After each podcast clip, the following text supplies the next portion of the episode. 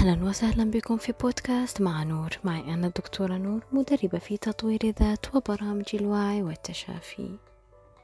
مرحبا بكم في رحلة وعي جديدة. مرحبا بكم في رحلة قانون التجلي. رسائل تظهر عكس ما أريد.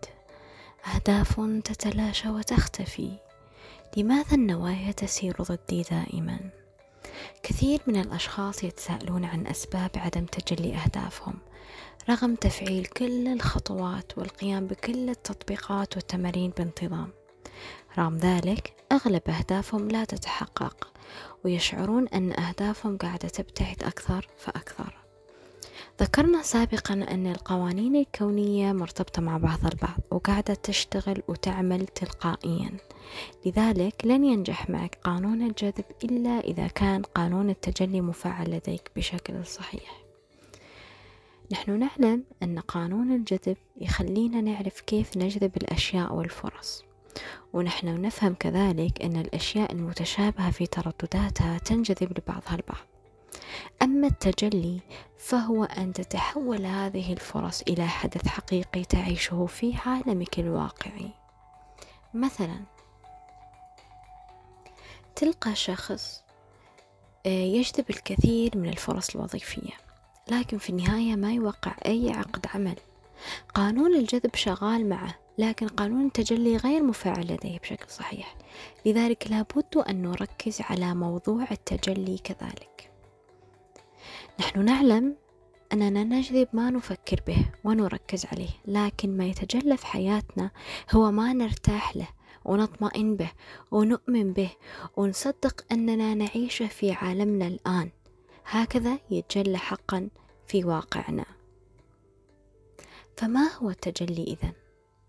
قانون التجلي هو جزء من قانون الوفرة وهو ظهور ما تريده في عالمك وواقعك وحتى يتجلى ما تريده يجب أن يكون هناك توافق بينك وبين الهدف. لذلك عليك أن ترفع دائما من ذبذباتك وتردداتك الطاقية والفكرية والمشاعرية. بالتالي تكون أنت والهدف في نفس المجال الطاقي. ولأن التوافق لا يحدث إذا كانت الطاقة منخفضة طبعا عليك أن ترفع الطاقة لديك.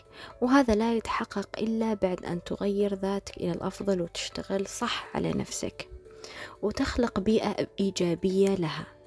واعلم دائما أن التغيير يبدأ من الداخل. اليوم راح نتعرف على خطوات وأسرار تفعيل قانون التجلي. أول مفتاح لدينا اليوم هو اليقين وحسن الظن بالله تعالى والإيمان بتحقيق الأهداف. كلنا نعرف أن حسن الظن بالله من حسن العبادة فضلا على أنه تفاؤل للعبد. يقول الله تعالى في حديث قدسي أنا عند ظن عبدي بي فليظن بي ما شاء. يعني إن ظن بي خيرا فله وإن ظن بي شرا فله. يقول لك مرة دخل الرسول عليه الصلاة والسلام على أعرابي يزوره في مرضه. وقال له النبي عليه الصلاة والسلام لا بأس طهورا إن شاء الله. رد عليه الأعرابي وقال له يعني استغرب طهورا؟ كلا بل هي حمى تفور وتثور على شيخ كبير تزيره القبور. فقال النبي عليه الصلاة والسلام وقتها فنعم إذا ومات الرجل كما سبق وقال وكما ظن بالله تعالى. ولو أحسن الظن وطلب الشفاء من الله لكان خيرا له. لذلك كان النبي عليه الصلاة والسلام دائما يعجبه حسن الظن بالله والفعل والحس الحسن والكلمة الطيبة كذلك. وكان من دعائه دائما اللهم لا خير إلا خيرك ولا طير إلا طيرك ولا إله غيرك.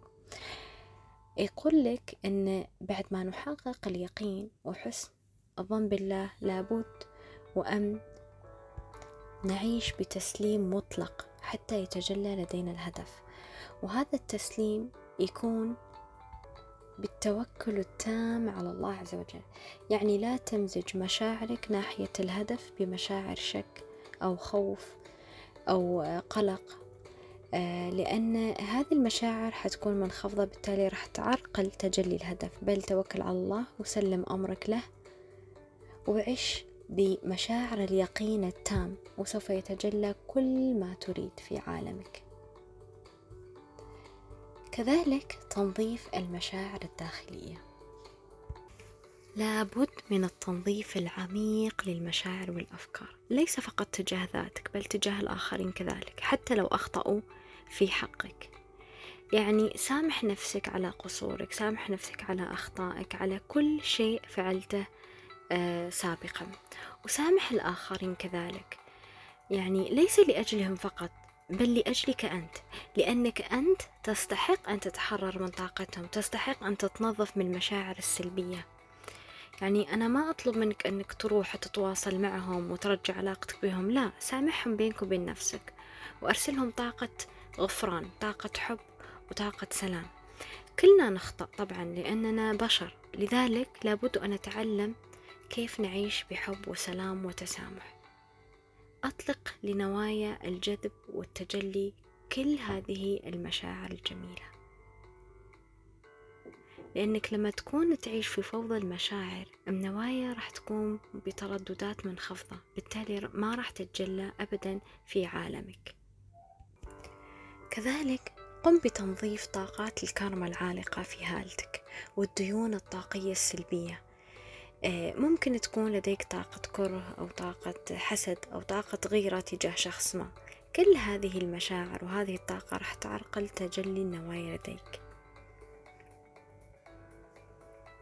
تحرر كذلك من تراكمات الماضي من الصدمات العاطفية المعيقة للتدفق العاطفي والمالي والاجتماعي لديك الآن.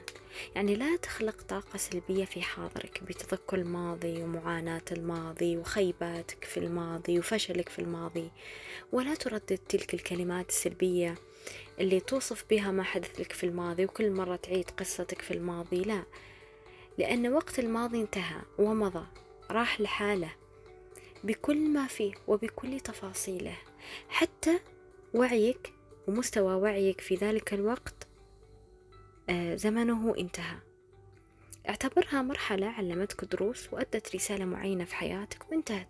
لأن لازم تؤمن أن كل ما يحدث في حياتنا يحدث لحكمة خفية.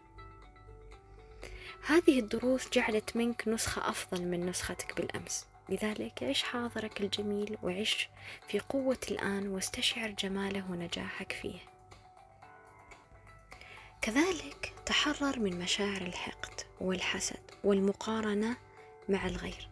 يعني لا تقارن حياتك بغيرك لا تعيش في حياة الغير لا تراقب حياة الناس ولا تنتقدهم.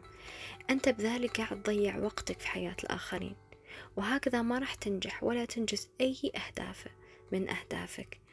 ولا راح تتجلى كذلك آه، الأشياء في حياتك لأنه ما عندك وقت لنفسك. يدوب أنت عايش في حياة الغير. أنت مشغول في طاقة الغير. لذلك عيش في حياتك عيش لذاتك عيش لأهدافك. لا تراقب أحد. تمنى الخير للجميع. راح تستقبل أضعاف مضاعفة من الخيرات. يقول لك كف عينك عن رزق غيرك ترزق. تمنى الخير وتمنى النجاح للجميع وأرسل طاقة حب وطاقة سلام وطاقة توفيق ونجاح للجميع. كل ما ترسله سيعود إليك. أرسل الخير يعود إليك الخير وترسل غير ذلك سوف يعود إليك بالمقابل. كذلك شيء آخر توقف على التركيز على المشاكل والأفكار السلبية لأنك تجذب ما تركز عليه.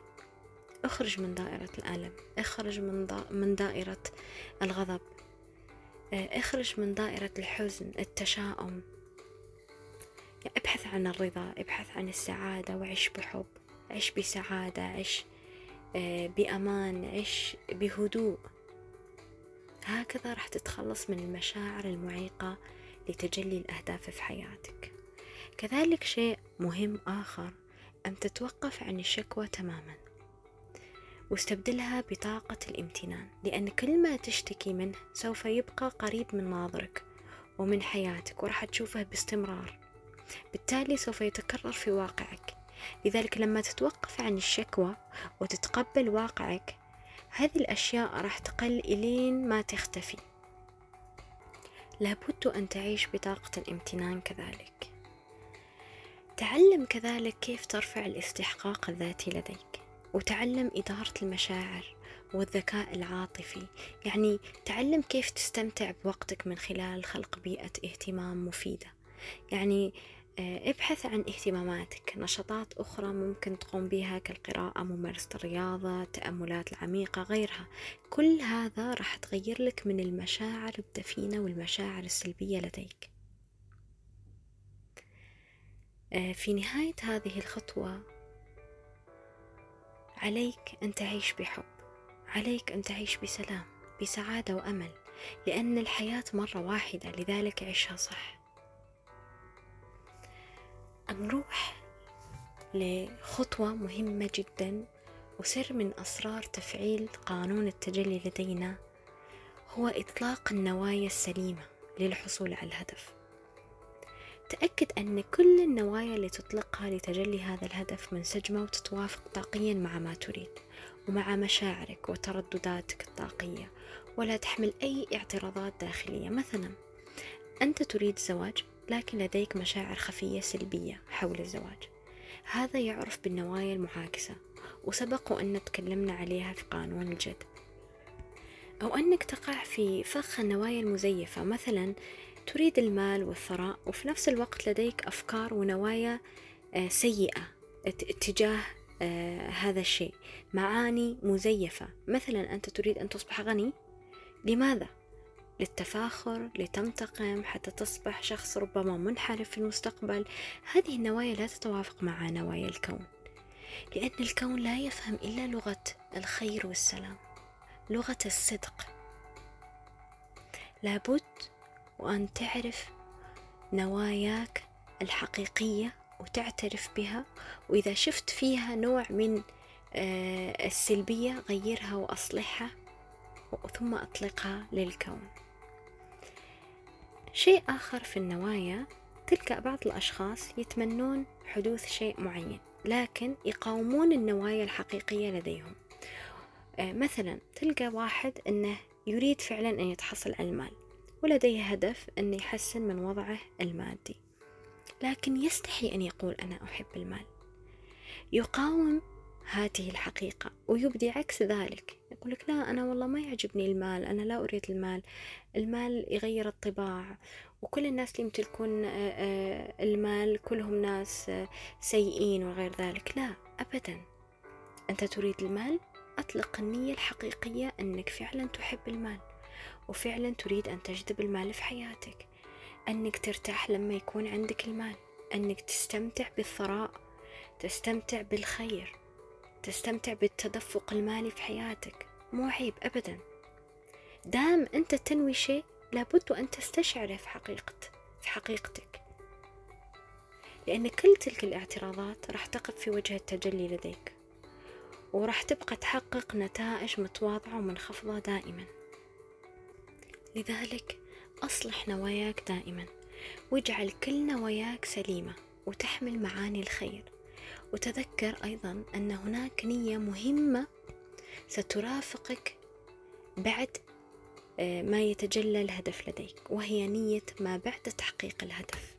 يعني مثلا إذا أطلقت نية في الزواج وتحققت هذه النية لابد أن تحافظ على النية السليمة ما بعد تحقيق الهدف. يعني بعد ما تزوجتي لابد أنك تحافظي على صدق النوايا لديك على سلامة النوايا لديك.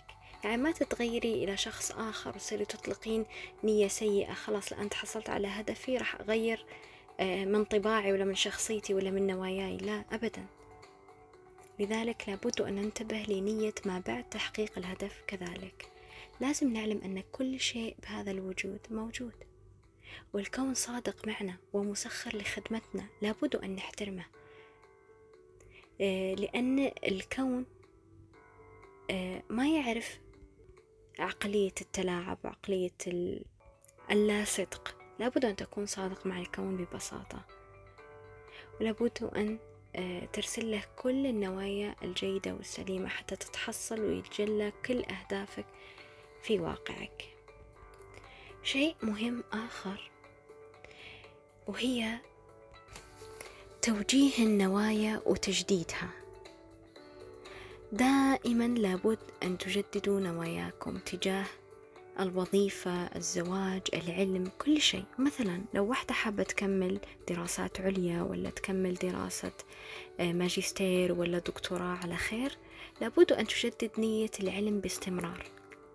من غير ما تفكر في الهدف مو ما لازم يعني تشغلي فكرك دائما في الهدف لكن النية لابد أن تجددينها باستمرار وتوجهينها بطريقة سليمة وطريقة إيجابية وطريقة صحيحة. نكمل أسرار تفعيل قانون التجلي في الحلقات القادمة إن شاء الله. ألقاكم بحب وعلى حب وأنتم كل الحب. أستودعكم الله.